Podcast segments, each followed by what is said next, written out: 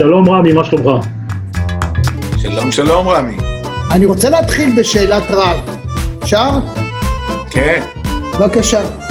ערב טוב, רמי, פעם ראשונה בחיים שלי בזום. ופתאום אני מדבר איתך, לא חלמתי שאני אדבר איתך. אז אני קודם כל לכבוד הוא לי. חוויה לשמוע אותך בכל שידור, כי העברית שלך חג, חגיגה. תודה, חג שמח. שלום רב לכם, ברוכים הבאים לעוד מהדורה של מרכזי טבעי, אני רמי יצהר, והיום אנחנו עם דן בורנשטיין, שלום. שלום, שלום. ג'ורג' אורוול פרסם uh, בסוף שנות ה-40, בעצם המהדורה הראשונה יצאה ב-49, את הספר 1984, כן. ספר שמוגדר במידה רבה מאוד של צדק סאטירה דיסוטופית. הוא החדיר אז את המונחים של האח הגדול. כן, מכירים את סדרת הטלוויזיה? משטרת מחשבות. וזה היה נראה הכי מופרך בעולם, לקח עשרות שנים, וככל שחלף הזמן, יותר ויותר ויותר הסתבר שהאיש יותר מצדק. והנה עכשיו ב-2022, ספר חדש שנקרא שמשון 2.0, עכשיו כן. תראה אותו, הנה בבקשה. לוקח את האבסורד, מה שנראה אז אבסורד והיום הוא מובן מאליו, כמה וכמה צעדים קדימה. ספר על זה. אוקיי, קודם כל אני רוצה להזכיר שהספר הוא רק אה, דיגיטלי, הוא קיים למכירה באתר אה, עברית. אה, מעבר לזה, הספר הוא בעצם, כתבתי זה לפני שלוש שנים במקור, והיו לו, עברו עליו כל מיני תהפוכות לא פחות מאשר מה שקרה במדינה אפשר להגיד. אה, בסוף החלטתי להוציא אותו עכשיו, כי פשוט הבנתי שאם אני לא אעשה את זה, אז המדינה כבר אה, תהיה יותר מהספר, אה, אז לא תהיה לי... תהיה פשוט להסתכל יותר עליו. אבסורדית ממה שאתה צופה. כן, במדינה הזאת אסור לחכות, כי פשוט יגידו לי, טוב, מה, פשוט כתבת מה שיש בעיתון, מה אתה רוצה? אז, אז הייתי חייב.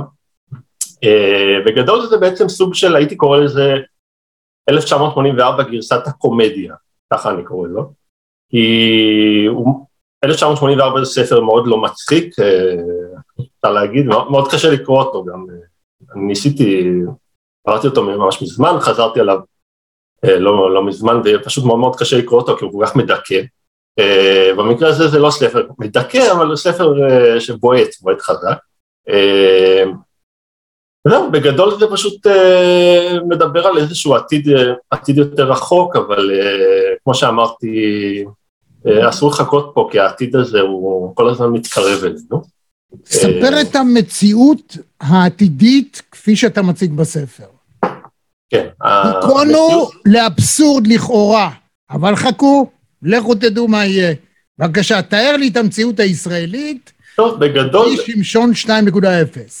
כן, בגדול אה, מדובר בעתיד הרחוק, אני לא יודע כמה רחוק, אבל אה, הייתה מלחמת עולם, אה, אה, מלחמת עולם גרעינית, שכל העולם נמחק, אה, כלומר חלק מהאנושות נשארה בחיים, אבל אה, כולם ברחו לחלל, כן? יש, אה, באותו, באותה תקופה כבר יש מושבות בחלל, אז כולם ברחו לאן שאפשר לחיות שם, והיחידה שנשארה בעולם הזה, בכדור הארץ, זה מדינת ישראל.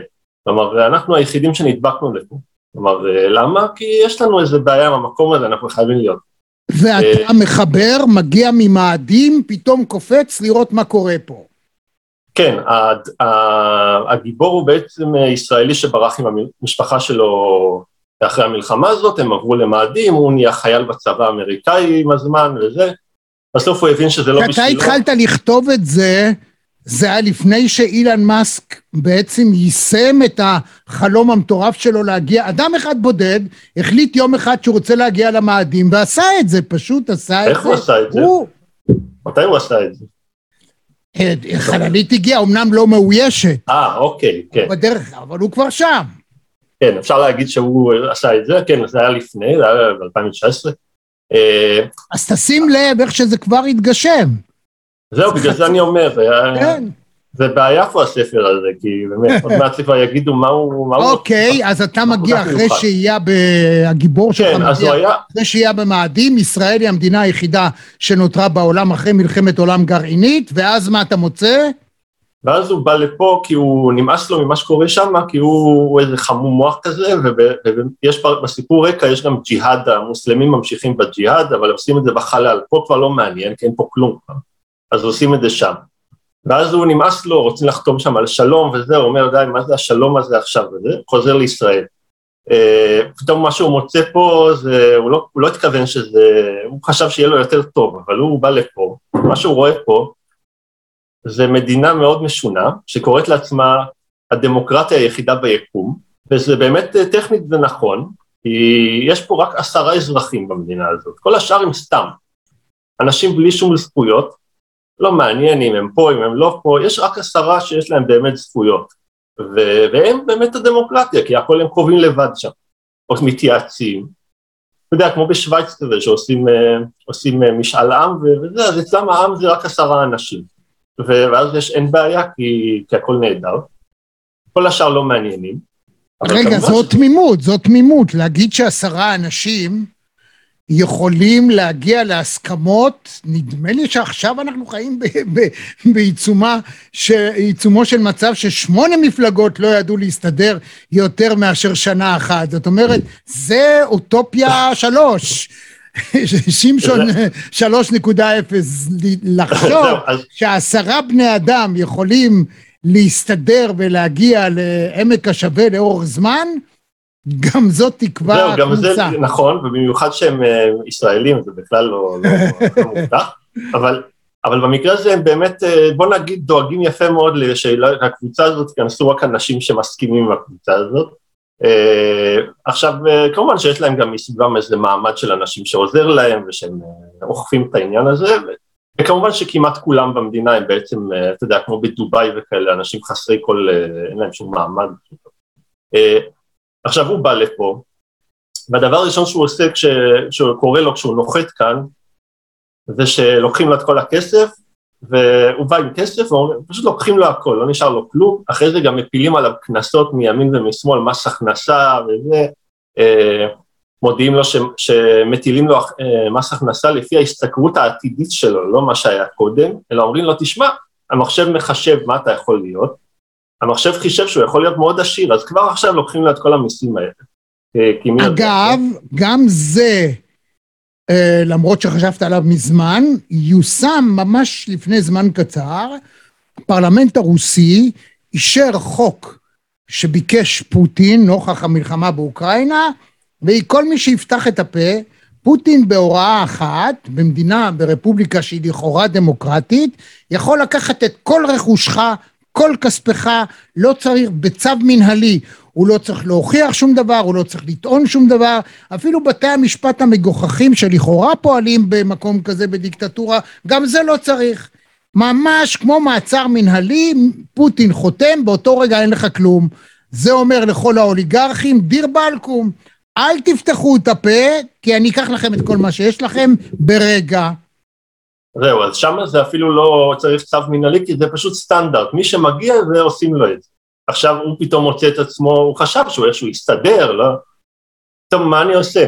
אז, אז הוא, הוא, כשהוא מגיע לארץ, הוא נפגש עם החבר שלו הטוב איציק, שהיה איתו גם כן במאדים, בצבא שם, ואיציק אומר לו, תשמע, אין בעיה, כי מה אתה צריך לעשות במצב כזה? אתה פשוט מתנדב להיות ראש ממשלה, ועושה את זה שבוע, יש כל שבוע בחירות, כן? במדינה הזאת יש כל שבוע בחירות. אז uh, אתה הולך להיות ראש ממשלה, אתה עושה את זה שבוע, אם אתה גומר את זה יפה, אז uh, כל החובות נמחקים. אם אתה לא עושה את זה יפה, אז זה כבר סיפור אחר. יש כבר uh, מעצרים ועניינים, כי ה- ה- הכלל הוא שכל ראש ממשלה מכהן כמה ימים, ואז עוצרים אותו ביום רביעי, על, כל, זה הולך לפי ימים קבועים, ביום רביעי עוצרים אותו על שחיתות. קודם כל נפתחת חקירה. עכשיו, אם הוא... אם הוא מתנהג יפה, אז סוגרים את התיק. אם הוא לא מתנהג יפה, אז אה, לא סוגרים את התיק וממשיכים, אז, אז הוא אומר לו, טוב, זה מה. הגדר מתנהג יפה, הגדר, תסביר לי מה זה נקרא מתנהג יפה. מתנהג יפה זה אומר, אה, קודם כל שהוא עשה את הקדנציה שלו כהלכה, בלי שום, אה, קפץ פתאום והחליט שהוא רוצה לשנות דברים במדינה, כל מיני דברים זאת אומרת, בשלושת הימים הראשונים הוא התנהג יפה, לא עשה כן, כלום. הוא עשה, כן, הוא עשה כמעט כלום, עשה מה שמר על הסטטוס קוו, אם שלושה ימים, כן. חצי קדנציה כבר העברת בלי לעשות אה, גלים, אוקיי. כן, ואז אה, ביום אה, עוצרים אותך, ואם אתה, חלק מהלהתנהג יפה זה אומר שאתה גם אחרי שאתה פורש, אתה, אחרי שאתה יוצא מזה יפה, אז אתה מתראיין יפה בטלוויזיה ואומר לראש הממשלה הבא מה, מה הוא צריך לעשות, שזה לגמרי ההפך ממה שאתה התחייבת עליו כמובן. כלומר, יש, יש פה כללים במקום הזה, כן? אז... זאת אומרת, אתה עושה חפיפה שבה אתה דואג שזה שבא בעקבותיך יתנהג יפה, ואם לא, כן. אז גם חלק מהאחריות היא עליך, כי אתה לא העברת את התפקיד כמו שצריך. כן, זה פחות, זה פחות קשור לבן אדם הקודם, זה פשוט מין משהו כזה שברור לך יפה מאוד שאתה כדאי שתתנהג יפה, אבל מה הבעיה? שהוא, קודם כל הוא אומר מה אני צריך את הפוליטיקה הזאת, ומה אני אעשה עם זה, דבר שני, הוא לא אחד שיכול לעשות את זה, הוא אחד שרוצה לשנות, נמאס לו, הוא לא רוצה, הוא לא אוהב מה שקורה. אז אה, אתה, לא רוצה לקלקל את הספר, אבל כאילו, אבל הוא אומר, מה אני אכנס לדבר הזה, מה, זה לא בשבילי, אבל אין ברירה, הוא, אין לו כסף, מה הוא יעשה? טוב, אז הוא מתנדב לתפקיד, ואז הוא נבחר, כי הוא חייב להיבחר, אין פה מישהו. זה בחירות, יש בחירות כל שבוע, אבל זה ידוע כבר מי ייבחר. עכשיו, הבחירות הן, אה, הצורה שהן מתנהלות, זה אולי יישמע לך מוכר. יש מפלגה אחת שהיא כל הזמן חוזרת להיות מפלגת השלטון, אבל היא לא באמת, אין לה, שום אפשרות לעשות שום דבר. אומרת, היא פשוט רק אומרת כל מיני דברים, נקראת מפלגת התקווה, אה, היא אומרת והיא נותנת תקווה לאנשים, וכמובן שכל פעם שהיא באמת מגיעה לשלטון התקווה מתנפצת, אבל זה לא משנה כי אין לאף אחד אחר שמבטיח משהו כזה. אומרת, האחרים אפילו תקווה הם לא נותנים. אומרת, יש גם אחרים. אה, פשוט אה, הם בוא נגיד, זה עובד ככה שיש את המפלגה הקבועה הזאת, וכל השאר הם כזה מין סלט כזה שהמחשב עושה, כל פעם ממציא איזה אחת מפה, אחת משם. אותם חברי כנסת עוברים כל הזמן בין המפלגות, כי הוא פשוט מצוות אותם ככה באקראי לאן, ש... לאן ש... שבא לו, ואז אה, ככה זה עובד, אין שום אפשרות לשנות את הדבר הזה. זה, כלומר, זה מאוד ברור שבוא נגיד... זאת אומרת, זה דיכוטומי, יש מציאות, המציאות היא דיכוטומית, הפרטים לא כל כך משנים, כי בגדול תמיד זה יישאר אותו דבר. וריאציה כזאת או אחרת, בסופו של דבר האזרחים הם כלומניקים, גם ראש הממשלה הוא שום דבר, ורק אם הוא מתנהג יפה הוא יוצא מזה בשלום. מצד שני יש לו בנפיץ, אז כדאי לו להיות ראש ממשלה, כי אחרת הוא יאבד את הכל. זאת אומרת, זה מין סוג כן. של הדבר האוטופי היחיד בינתיים שאני רואה בספר, זאת האמונה שלך המאוד מאוד תמימה, שעשרה אנשים יכולים באמת להגיע. לא אחד שהוא השליט הגדול, אלא סוג של אוליגרכיה. נו טוב. כן, זה אוליגרכיה, אבל האמת היא שהם גם סוג של... אה, הם לא באמת משחקים איזשהו תפקיד, כלומר יש איזושהי שכבה מתחתיהם, אגב זה משהו שקיים בכל דיקטטורה וכל אוליגרכיה, הדיקטטור הוא כמובן איש מאוד חשוב, אבל בלי השכבה שמתחתיו שהיא הרבה מאוד אנשים, הוא לא היה יכול לעשות שום דבר. אה, אז גם בספר אלה אנשים שהם בעיקר סוג של אה, מסגרת על הקיר כזה. מה שיש בתוך המסגרת זה כבר מתחת להם. אז מי השליט הגדול אה, להבנתך? אין בספר הזה שליט גדול. אין. אין, זה לא אוקיי. האח הגדול, זה לא האח הגדול, אלא זה בוא נגיד הרבה אחים גדולים ומעצבנים. אוקיי. אין אחד, כן. כן, אז מה בעצם... אה, בוא נגיד שאורוול בעצם צפה הרבה מאוד שנים שבכלל לפני שהיה אינטרנט, צריך להגיד את זה. הוא כתב את הספר, הוא פרסם אותו ב-48, זה פחות או יותר אה, די קרוב להקמת מדינת ישראל. אז כשהוא צפה התפתחות טכנולוגית, נוסח ז'ול ורן ואחרים של, של דברים עתידיים, מה בעצם האסנס, המהות של הציפייה שלך, מה, מה יקרה? איך אתה רואה okay. את אוקיי. הכיוון שאליו ישראל והעולם והאנושות בעצם צועדת? אוקיי, okay, פה נכנסת לנקודה הטכנולוגית החשובה של הספר, שבגללה גם יש את השם שלו, הוא שמשון 2.0, שמזכיר את ה... שהוא מהדהד את העניינים הטכנולוגיים. אה, מה שקורה בספר הזה זה שכל המבנה הזה שתיארתי כאן הוא בעצם נשען על דבר מאוד פשוט, הוא נשען על זה ש... אתה יודע, המדינה, אה, לפי העתיד של הספר, מצא את עצמו בבעיה נורא גדולה אחרי המלחמה הזאת שהיינו בה, כי פתאום כולם אה, ברחו מכאן, כולל הערבים, כן? כולל המוסלמים והערבים, ולא נשארנו עם אף אויב, כן? מה נעשה? כלומר, בלי, בלעדיהם מה אנחנו נעשה? כלומר, מה קרה? אז אנחנו, בעצם הרעיון הוא שכל הסדר פה נשען על הדבר הזה, שאנחנו חייבים אותם כדי, אה, כדי שיאפשרו לנו להתקיים בצורה המקורית, אז אמרו, טוב, מה נעשה בלעדיהם? אז המצאנו אויב משלנו, בנינו רובוטים, שמנו אותם בעזה ובכל האזור הזה, ובספר זה יותר גדול, אנחנו קוראים להם הפלישתים, כן? אבל למעשה אלה רובוטים שאנחנו מפעילים אותם נגד עצמנו, אוקיי? Uh, כלומר, הם כל הזמן תוקפים אותנו, יורים עלינו טילים, והם הם בספר יש להם שטח יותר גדול, כי זה מתאים למה שהיה של הפלישתים במקור, כלומר, זה בספר זה עזה, אשקלון, אשדוד, ועוד כמה. אנחנו מווסתים את הפעילות שלהם, או שהם יוצאים ועושים דברים שלא מתוכננים אפילו? לא, הם עושים דברים רק מה שאומרים להם, הם רק מה קצת- שאומרים להם. יש להם טיפה איזשהו, בוא נגיד, אה, יכולת לסגנן קצת את ה... בצורה יצירתית, אבל אנחנו אומרים להם מה לעשות, ועכשיו כל שבוע, פחות או יותר כל שבוע, שבועיים, יש איזה משהו כמו צוק איתן כזה, זה כל הזמן. אבל מה שקורה זה שהצבא שלנו, הוא לא, הוא לא עושה כלום נגדם, כי הוא זה שמפעיל אותם. כלומר, זה פשוט צריך להעמיד פנים שנלחמים איתם, אבל הם כל הזמן יורים עלינו. זה כמובן, כל זה נשען על התפיסה עתיקת היומין, שהדרך היחידה לשלוט היא על ידי המצאת אויב חיצוני שמאיים על האזרח, ואך ורק השליט יכול לבוא ולהגיד, תראו, זה וזה שסימנתי אותו הוא האויב הנורא, פעם קוראים לזה איראן, ופעם קוראים לזה קומוניזם, ופעם קוראים לזה סינים, לא משנה מי, או כן. האדם הלבן בסין. אני, אם תבחרו בי, אם אני המנהיג שלכם, אני אגן עליכם. הדרך היחידה שלכם לנהל חיים הוגנים, טובים ונורמליים, זה אם אני אשלוט. לכן, חובתכם כלפי משפחתכם ועצמכם וסביבתכם וילדיכם להצביע עבורי. כי אם לא תצביעו עבורי, אוי ואבוי, חסר. לכן, האויב המשותף הוא בעצם מדומה. רק לעיתים רחוקות הוא אויב אמיתי. גם כאן בספר שלך, אתה אומר, אנחנו בעצם, ואפשר להשוות את זה גם למציאות ישראלית או אמריקאית או כלשהי, אנחנו אומרים, הסינים זה משהו נורא, או האויב העזתי או הערבים הם משהו נורא, ושוכחים בעצם שלכל הפלסטינים יחד אין אפילו טנק אחד, ולא מטוס אחד, ולא הליקופטר אחד, ולא אוגדה אחת. ומקסימום מה שהם יכולים לעשות זה לבוא עם סכין או איזה רימון או איזה משהו להרוג אדם אחד, שהסיכון האמיתי שלו לחסל מדינה הרי בטל בשישים. גם אם יצליחו לבצע איזה פעולת טרור ואלף ישראלים, או עשרת אלפים ישראלים, או מאה אלף ישראלים, חלילה, ילכו לאבדון, מדינת ישראל תמשיך להתקיים. אבל כדי לשלוט, האיום הופך להיות גולם שקם על יוצרו, מפחיד אותך כל הזמן, אתה לא יודע מה לעשות, אתה מאבד את, מערער את הביטחון האישי, ושם המנהיגות יכולה לחגוג.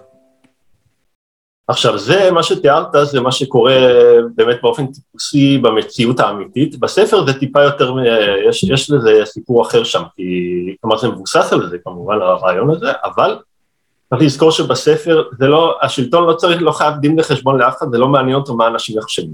עכשיו, הוא משתמש באויב הזה בעצם כמו הזרוע, הזרוע הטרור של עצמו, כן? אבל, אבל עושים את זה על בסיס כאילו שזה חיצוני לנו, זה לא אנחנו, זה הם, כן? אבל האויב הזה הוא אמיתי במקרה הזה, זה אויב לגמרי אמיתי, פשוט זה אנחנו. כלומר, אה, פשוט זה אנחנו, אבל זה גם לא אנחנו באיזשהו מקום, כלומר היה חשוב שזה להרחיק את זה מאיתנו ככה, אה, וגם, אה, כלומר זה שלטון שהוא בהחלט לא מעוניין שמישהו יאהב אותו או משהו כזה, אני גם מתאר את זה בספר בצורה ברורה שמבחינתם האנשים שהם לא העם, העם הוא כמובן רק עשרה אנשים, מבחינתם כל האנשים האחרים הם כמו ג'וקים, כלומר, זה שאתה בבית או לא בבית, אז אין בעיה, רק שלא תבוא לי פתאום ואני אצטרך להוריד עליך נעל. זהו, כל עוד אתה לא מפריע לי בעיניים, אז תהיה פה, אין בעיה.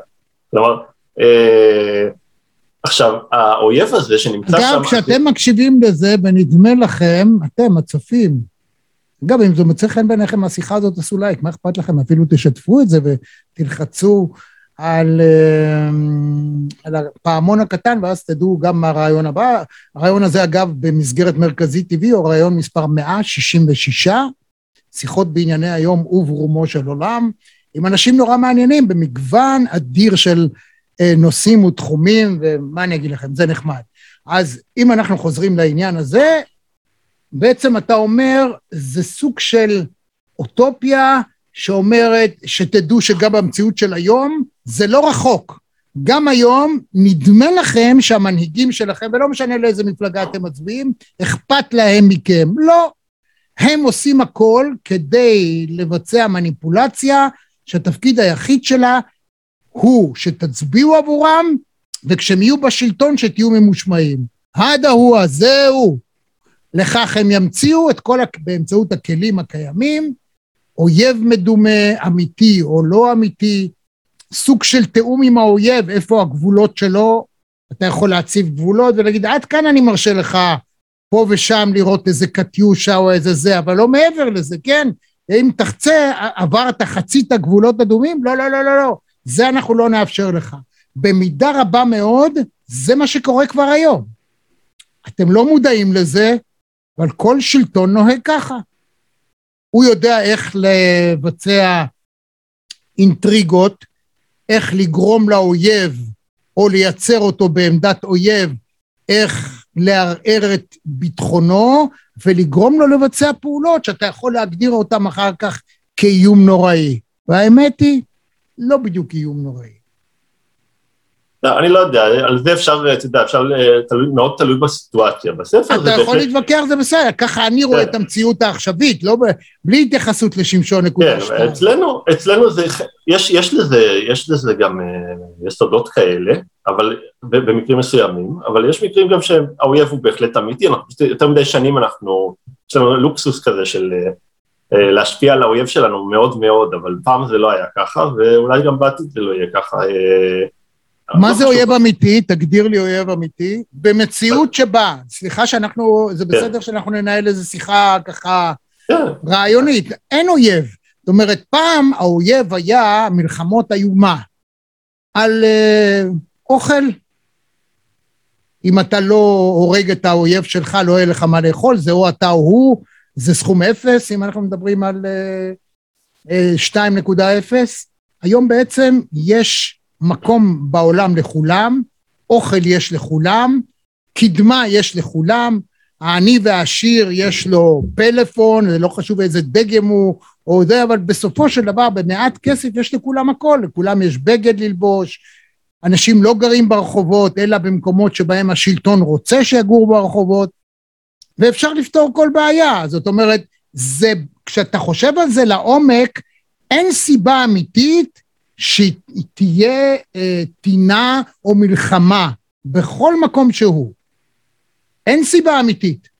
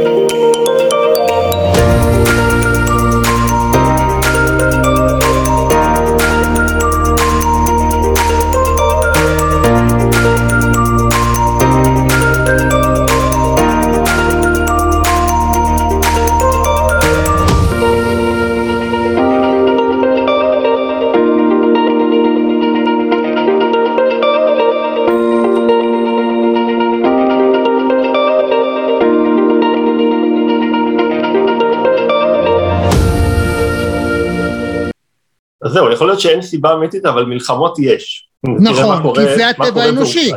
זה הטבע האנושי. כן, עכשיו, מבחינת האדם שחי, ב, אתה יודע, איפה שהוא חי, מה שחשוב זה שיש מלחמה, נגיד באוקראינה, אתה יודע, זה לא מעניין שכולם החליטו שזו מלחמה שלא צריך, לא צריכה להיות, מה שמעניין זה שהיא ישנה. אה, עכשיו, אה, בספר, אני אחזור ל... איך זה מטמיע את כל הסיפור של הספר, אה, אז בא פתאום הבן אדם הזה, שהוא לא היה פה והוא לא מבין איך הדברים פה עובדים, והוא חייל, כן? הוא רגיל להילחם, ממש, אמיתי. כלומר, אה, אתה יודע, שיורים והורגים מישהו.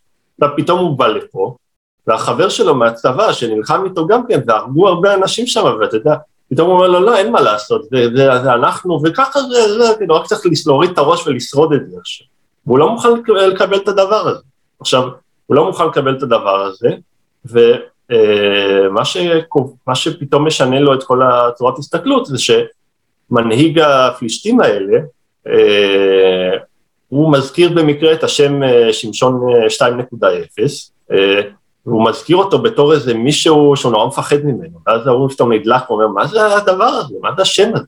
כלומר, ואז פתאום מתברר שיש איזושהי שבועה, נבואה, לא יודע איך לקרוא לזה, שממנה הרובוטים האלה מפחדים, שזה יום אחד יבוא מישהו בשם הזה, והוא יטפל בהם. הוא, הוא היחיד שיכול להביס אותם, אוקיי? Mm-hmm. ואז ההוא אומר, וואלה, אני רוצה למצוא אותו. כלומר, אני חייב למצוא אותו, חייבים לעשות משהו, כן? כל הסיפור זה בעצם החיפוש שלו אחרי, אחרי האיש הזה. עכשיו, אה, אם, אם מדברים על 1984, 1984 זה ספר שבין היתר קשה מאוד לקרוא אותו, כי אין שם שום תקווה, לא בשם של איזושהי מפלגה ולא בשום דבר. כלומר, אתה יודע מההתחלה שטוב זה לא יהיה. Uh, במקרה הזה יש פה איזו אמונה על ידי תקווה. כלומר, אה, איזו אמונה על ידי איזושהי ציפייה, כן, אפילו בסיטואציה שבה אין שום אפשרות לעשות כביכול שום דבר, אז יש פה איזה מישהו שאומר, לא מעניין אותי, אני כן אחפש איך לעשות. אה, אפילו אם זה למצוא את. האיש המיתולוגי הזה, שאני לא יודע אפילו אם הוא קיים, כולם אומרים לו שאין כזה דבר, כן? כולם אומרים לו, גם החבר שלו, אומרים לו, אין כזה בן אדם, זה רק הם אומרים את השם הזה, כי ככה הם נראים יותר אמינים, עשו להם אמונה תפלה כזאת, שישמעו טוב. אה, שישמעו כמו בני אדם רגילים. אה, כי הם מאוד מאוד נראים כמו בני אדם רגילים, מאוד אמינים כאלה. אז, אז הוא, הוא לא אכפת לו, הוא הולך נגד כל הזה. ומעבר לזה כבר צריך לקרוא את הספר, כי אחרת אני כבר אספר פה את זה. נהדר. דן, תקריא לי את ההתחלה של הפרק הראשון, ואז נדבר על הסגנון שלך, כי אני למשל, מה זה נהניתי מההתחלה? ההתחלה היא נהדרת. הרעיון, תתחיל להקריא לי אותו, תפתח לנו את זה. רגע, אני פה לא התכוננתי נפשית. אני לא זוכר בעל פה, מה נפשית? יש לי, תמיד אני, אני בא עם ארגז 2.0. אה, אתה מדבר פה עם אדם לא מנוסה. שנייה, רגע, שנייה, אני, אני כבר מביא את ה... מעלה פה את הסיפור הזה, שנייה, הנה הוא, רגע, הנה הוא בא. אז מה, להקריא את הפסקה הראשונה? כן. כן, יאללה, בוא נעשה את זה. שנייה. למרות שאני עיתונאי בעברי, זה היה ממש מזמן, אבל אז אני שכחתי את כל המנהגים העיתונאיים. רגע. אני בסך הכל מנסה לעשות את זה מעניין. כן, זה מעניין מאוד. אה, מלחיץ גם. רגע, טוב. מלחיץ? למה? נקרא לשמשון 2.0. אם הוא קיים, הוא יבוא, אולי לא. הכל טוב. טוב, אני מתחיל להקריא. אוקיי. תגיד לי מתי לעצור. אה, הדבר השני הכי טיפשי שעשיתי בחיים היה לעזוב את כדור הארץ. הדבר הראשון היה לחזור לשם. כמובן שבזמן אמת לא קלטתי לאיזו צרה אני מכניס את עצמי. אולי הייתי צריך להקשיב לדיילת הממורמרת שהתעלקה עליי בחללית שבה טסתי הביתה. כל כמה דקות היא באה, התיישבה לידי, וניסתה לשכנע אותי שאני עושה את הטעות האולטימטיבית ושאתחרט על זה עד יומי האחרון. היה לה זמן לבלבל לי את המוח כל הדרך, כי חברת התעופה של ויומינג הייתה על סף קריסה בגלל הג'יהאד, וחוץ משנינו לא היה אף אחד במחלקת התיירים החשוכה והמטונפת. תסתכל איך ריק פה, מי בכלל רוצה לטוס לישראל חוץ ממך? היא אמרה, היא אמרה בפעם החמישית. דברי יפה על המדינה שלך, את ישראלית בדיוק כמוני, ממוצא, ממוצא ישראלי. אל תשחקי אותה אמריקאית, שמעתי את האנגלית שלך וכואבות לה האוזניים עד עכשיו. לא משחקת, אין מצב שאני חוזרת לחיות בחור הזה. מה יש בישראל חוץ ממלחמות? עצור. זה כלום לעומת מאדים. לכם יש אויב אמיתי, לא כמו הצעצועים שיורים עלינו מעזה. כבר אין לנו אויב, עשינו שלום, לא שמעת? ברור ששמעתי, אחרת למה אני כאן? כמה שיותר רחוק מהשלום הזה, יותר טוב. אל תבואי לבכות לי כשהג'יהאדיסטים יכבשו לך את הבית. יכבשו? קאט, קאט, קאט, קאט, קאט. עד כאן? כן, בסדר. הבנו את הרמז. קודם כל אני אוהב את הסגנון. אוקיי. אמ, זאת אומרת, אתה לוקח... הוא מאוד אנושי, הוא מאוד uh, יוצר רצון לשמוע את ההמשך. ספר על, על אופן כתיבת הספר, על הסגנון שלך ומאיפה זה בא. זה לא ספר ראשון שלך, נכון? לא, זה באיזשהו מקום המשך רוחני של הספר הראשון שלי, האמיתי הראשון, שקוראים לו אוטופיית בננות, שיצא לפני 17 שנה. אה, גם שם יש איזה סיפור על ראש ממשלה, ש... קצת, קצת מזכיר את הדמות הנוכחית, אבל זה משהו, בוא נגיד, המשך רוחני ולא יותר מזה. אה, במקרה ההוא זה היה ראש ממשלה כזה מופרע וחסר עכבות, שהוא החליט שנמאס לו המזרח התיכון, והוא לא יכול יותר במקום הזה, והוא רוצה לקחת את המדינה לארה"ב. הוא ישית אותה בים לארה"ב, והצטרף אליהם, בין אם הם מעוניינים ובין אם לא. אה, עכשיו, הספר ההוא היה מאוד מאוד, אה, גם כן, הרבה יותר לא יודע, אני חושב שהספר הזה, הנוכחי, הוא יותר קודר קצת מהקודם, אבל, אבל לא, לא בקטע רע של עצוב, אוי, קוראים את זה ויש לי דמעות, אלא, אלא יותר... כמו שאתה מציג את זה, אז האמת שאנחנו בהתנדבות הפכנו, אתה יודע, לא אחת אנשים אמרו, אולי אנחנו נבקש להיות ה... אה, מדינה החמישים ואחת של ארצות הברית, אז בעצם זה כן, פחות או יותר העניין, הטריטוריה או המרחק הפיזי הוא לא כן. הקובע, אלא המנטלי, אנחנו באמת אמריקה, אין מה לעשות, בכל תחום שהוא אנחנו אמריקאים, אם כי אנחנו יודעים פחות טוב אנגלית. חוץ מהנימוסים והסדר, אנחנו בכל תחום כן, אנחנו אה, אז הוא, אז הוא החליט בזמנו, הספר הקודם, למה, למה הספר הנוכחי יותר קודם? כאילו, אז כי הוא היה בוא נגיד באדם אחד שפשוט קם ומושך אחריו את כל הדבר הזה, הוא עושה מה שבא לו. במקרה הזה פנטזיה כזאת שהוא יכול לעשות מה שהוא רוצה. במקרה הזה יש פה איזה מישהו שעומד מול מציאות שהיא לא מאפשרת לעשות שום דבר. זה בעצם הפוך לגמרי. אה, כלומר, הוא, הוא רוצה לעשות, אבל אין לו אפשרות. כלומר, הדבר היחיד שהוא יכול לעשות זה איזה ירייה באפלה כזאת, אולי, אולי נמצא את שמשון, אה, שמשון 2.0, שבכלל לא קיים. אה, תראה, ההשפעה הגדולה של אורוול הייתה, או ספרו, עשרות שנים אחרי שהוא פורסם, היה בעובדה שבעצם הוא תיאר מצב תהליכי שבו ההתקדמות הולכת, מביאה בעצם את האנושות אל מצב, אל עברי פי פחת. זאת אומרת, המצב לא יהיה טוב, אלא בעצם אם מישהו חושב על חופש אישי, במיוחד זה ספר שנכתב שלוש שנים אחרי מלחמת העולם, סיום מלחמת העולם השנייה, שבה המעצמה שרצתה לעשות רע לכולם ולהכניע הפסידה, כאילו הטוב, הטוב ניצח את הרע, הצודק ניצח את הרשע, ואז קם אדם ואומר חבר'ה תירגעו, זה שמלחמת העולם השנייה הסתיימה והיטלר אה, התאבד בבונקר והאנשים, האנושות ניצלה, זה לא אומר שהעתיד יותר ורוד.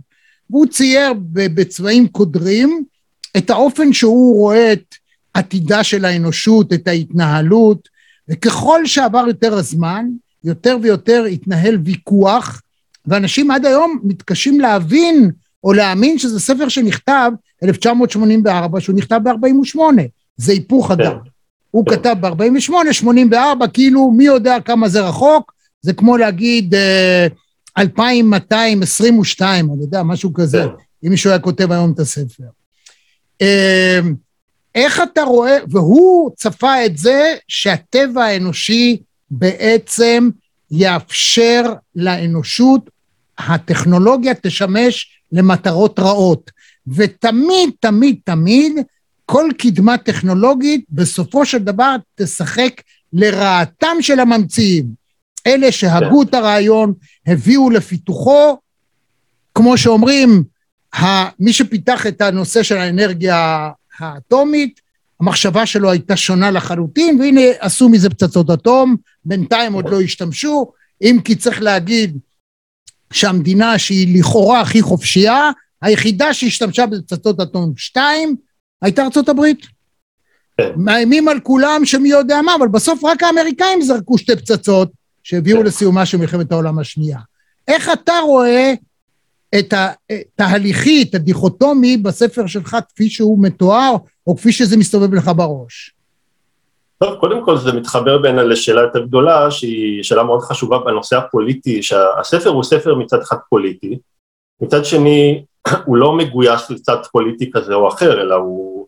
המציאות שמתוארת שם היא בלי שמאל ובלי ימין, אה, כמובן שלי יש את הדעות שלי, אבל זה, המציאות שם היא מעבר לדברים האלה, לחלוקות האלה, והנקודה החשובה היא שזה לא, למה, כלומר, למה זה לא מגויס? כי הבעיה, שאני כל הזמן מנסה להסביר לאנשים גם בארץ, אה, הבעיה היא בעיה אנושית, לא בעיה ישראלית, לא בעיה אמריקאית, לא, הבעיה היא בעיה שנמצאת בכל אדם, תמיד הייתה, לא יודע, אולי גם תמיד, אה, כנראה תהיה, תמיד תהיה, אה, ואנחנו כל הזמן מנסים להמציא כל מיני, אה, גם טכנולוגית, כן, אבל גם רעיונית, מנסים להמציא כל מיני מפלטים מהדבר הזה, שהוא פשוט אי אפשר לצאת ממנו. כלומר, והסיבה ש, שכל פעם הפיתוחים הטכנולוגיים רק מובילים, וגם האידיאולוגיים אגב, מובילים תמיד רק למקום יותר גרוע, היא שהם תמיד נעשים תוך כדי התעלמות והכחשה של הבעיה האנושית היסודית. אה, עכשיו, מי שהמציא את הנשק הגרעיני, את ה, את ה, סליחה, את האנרגיה הגרעינית, אם הוא היה טיפה קצת מתעמק בהיסטוריה, טיפה חושב לא על ההיסטוריה, על השכנה המעצבנת שלו, הוא היה מבין שאסור לתת לשכנה הזאת את הכפתור הזה, כן? כלומר, אה, אה, וגם לא אסור. כלומר, אתה, אין בן אדם שבאמת מבין אם יש לנו עסק פה איתנו, כלומר, שחושב ש, שאנחנו לא ננצל את זה לרעה. כלומר, והבעיה שלנו היא בדיוק מתחילה שם, בחוסר המודעות הזאת, שאומרת, כן, כן, מה שהיה עד היום זה ככה, אבל עכשיו אני המצאתי משהו שהוא באמת ישנה את התמונה, כן? אה, אלה שאומרים את זה, זה מועמדים מספר אחד להמציא את, ה, אתה יודע, את הדבר הבא שיהרוס לנו את החיים. אה, אולי אולי uh, הקורונה גם כן הגיעה מרעיון כזה, אני לא יודע, מישהו אמר, כן. אולי נחקור, נחקור רגע את העטלפים ואת הסיפור שלהם וזה, ותראה מה הם עשו להם.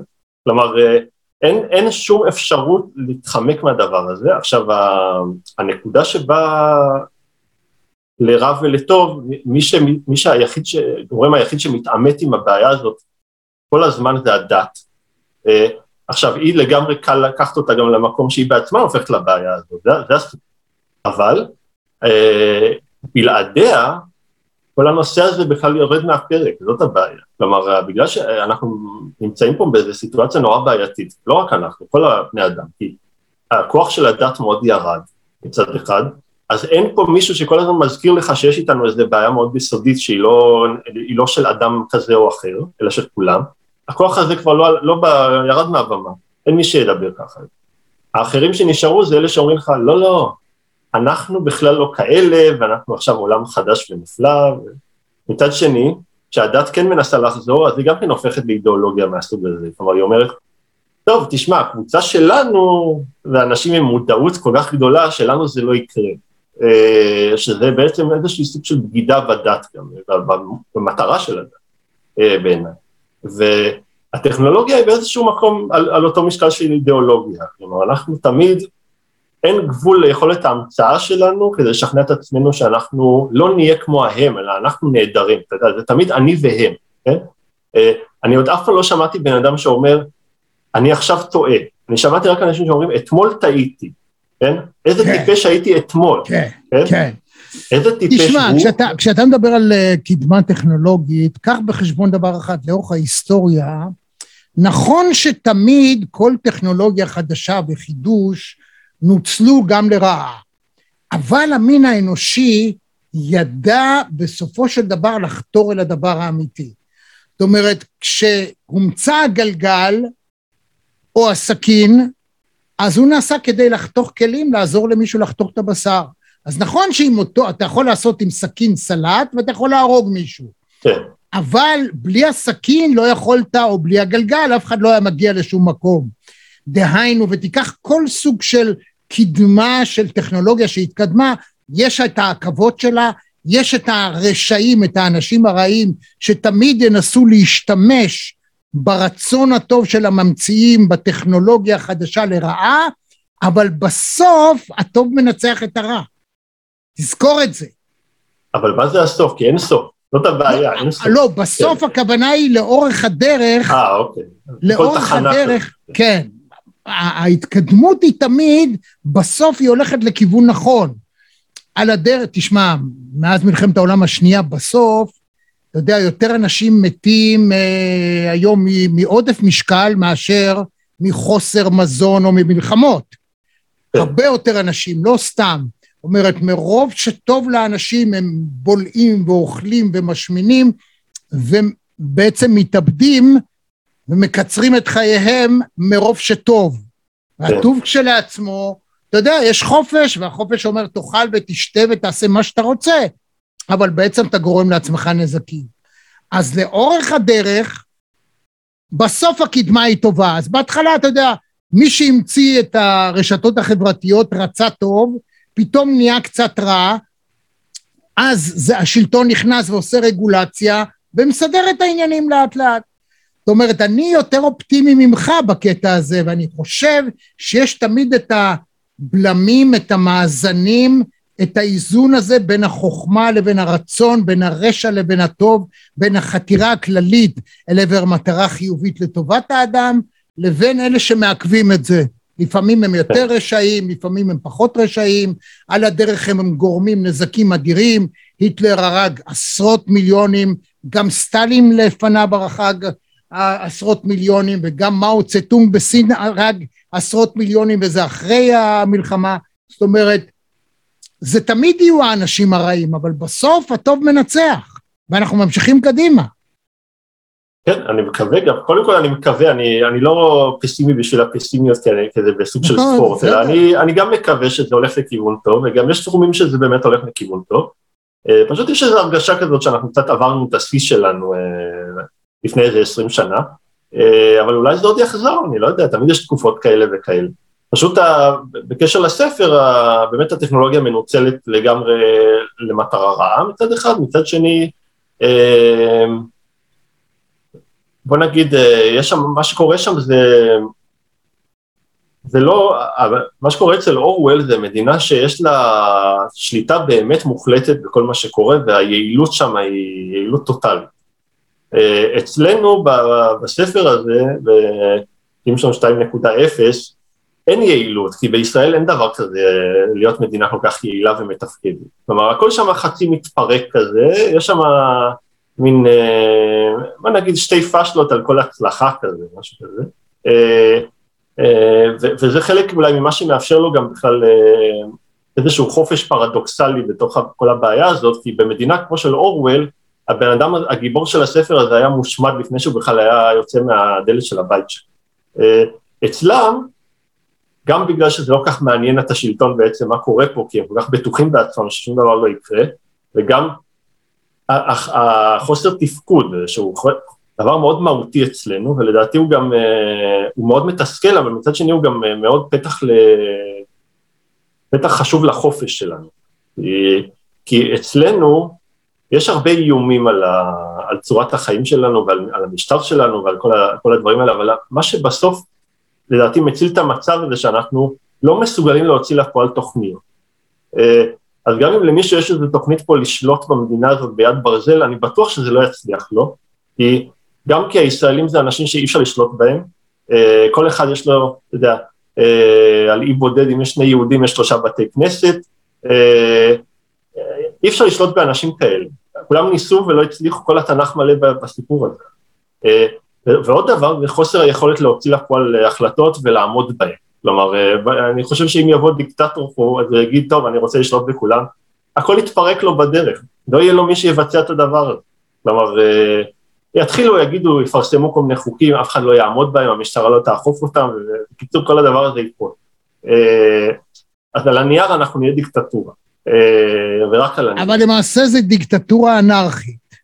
כן, יש, יש מושג כזה אגב, זה מושג, ש, מושג שהרבה משתמשים בו אה, בשנים האחרונות, אה, דיקטטורה אנרכית. אה, זה מושג מאוד מעניין בגלל שמה שהוא בדרך כלל מציין, וזה, זה, זה מין מערכת שבה אנשים שומרי חוק חווים את הצד הדיקטטורי של המדינה, ואנשים פורעי חוק חווים אנרכיה. כלומר, אם אתה באמת מתעקש לשלם מיסים, אז הם יתיישבו עליך עם כל כובד משקלם ויסחטו ממך הכל, אבל אם אתה מעלים מיסים, אתה לא תשמע כלום מהם.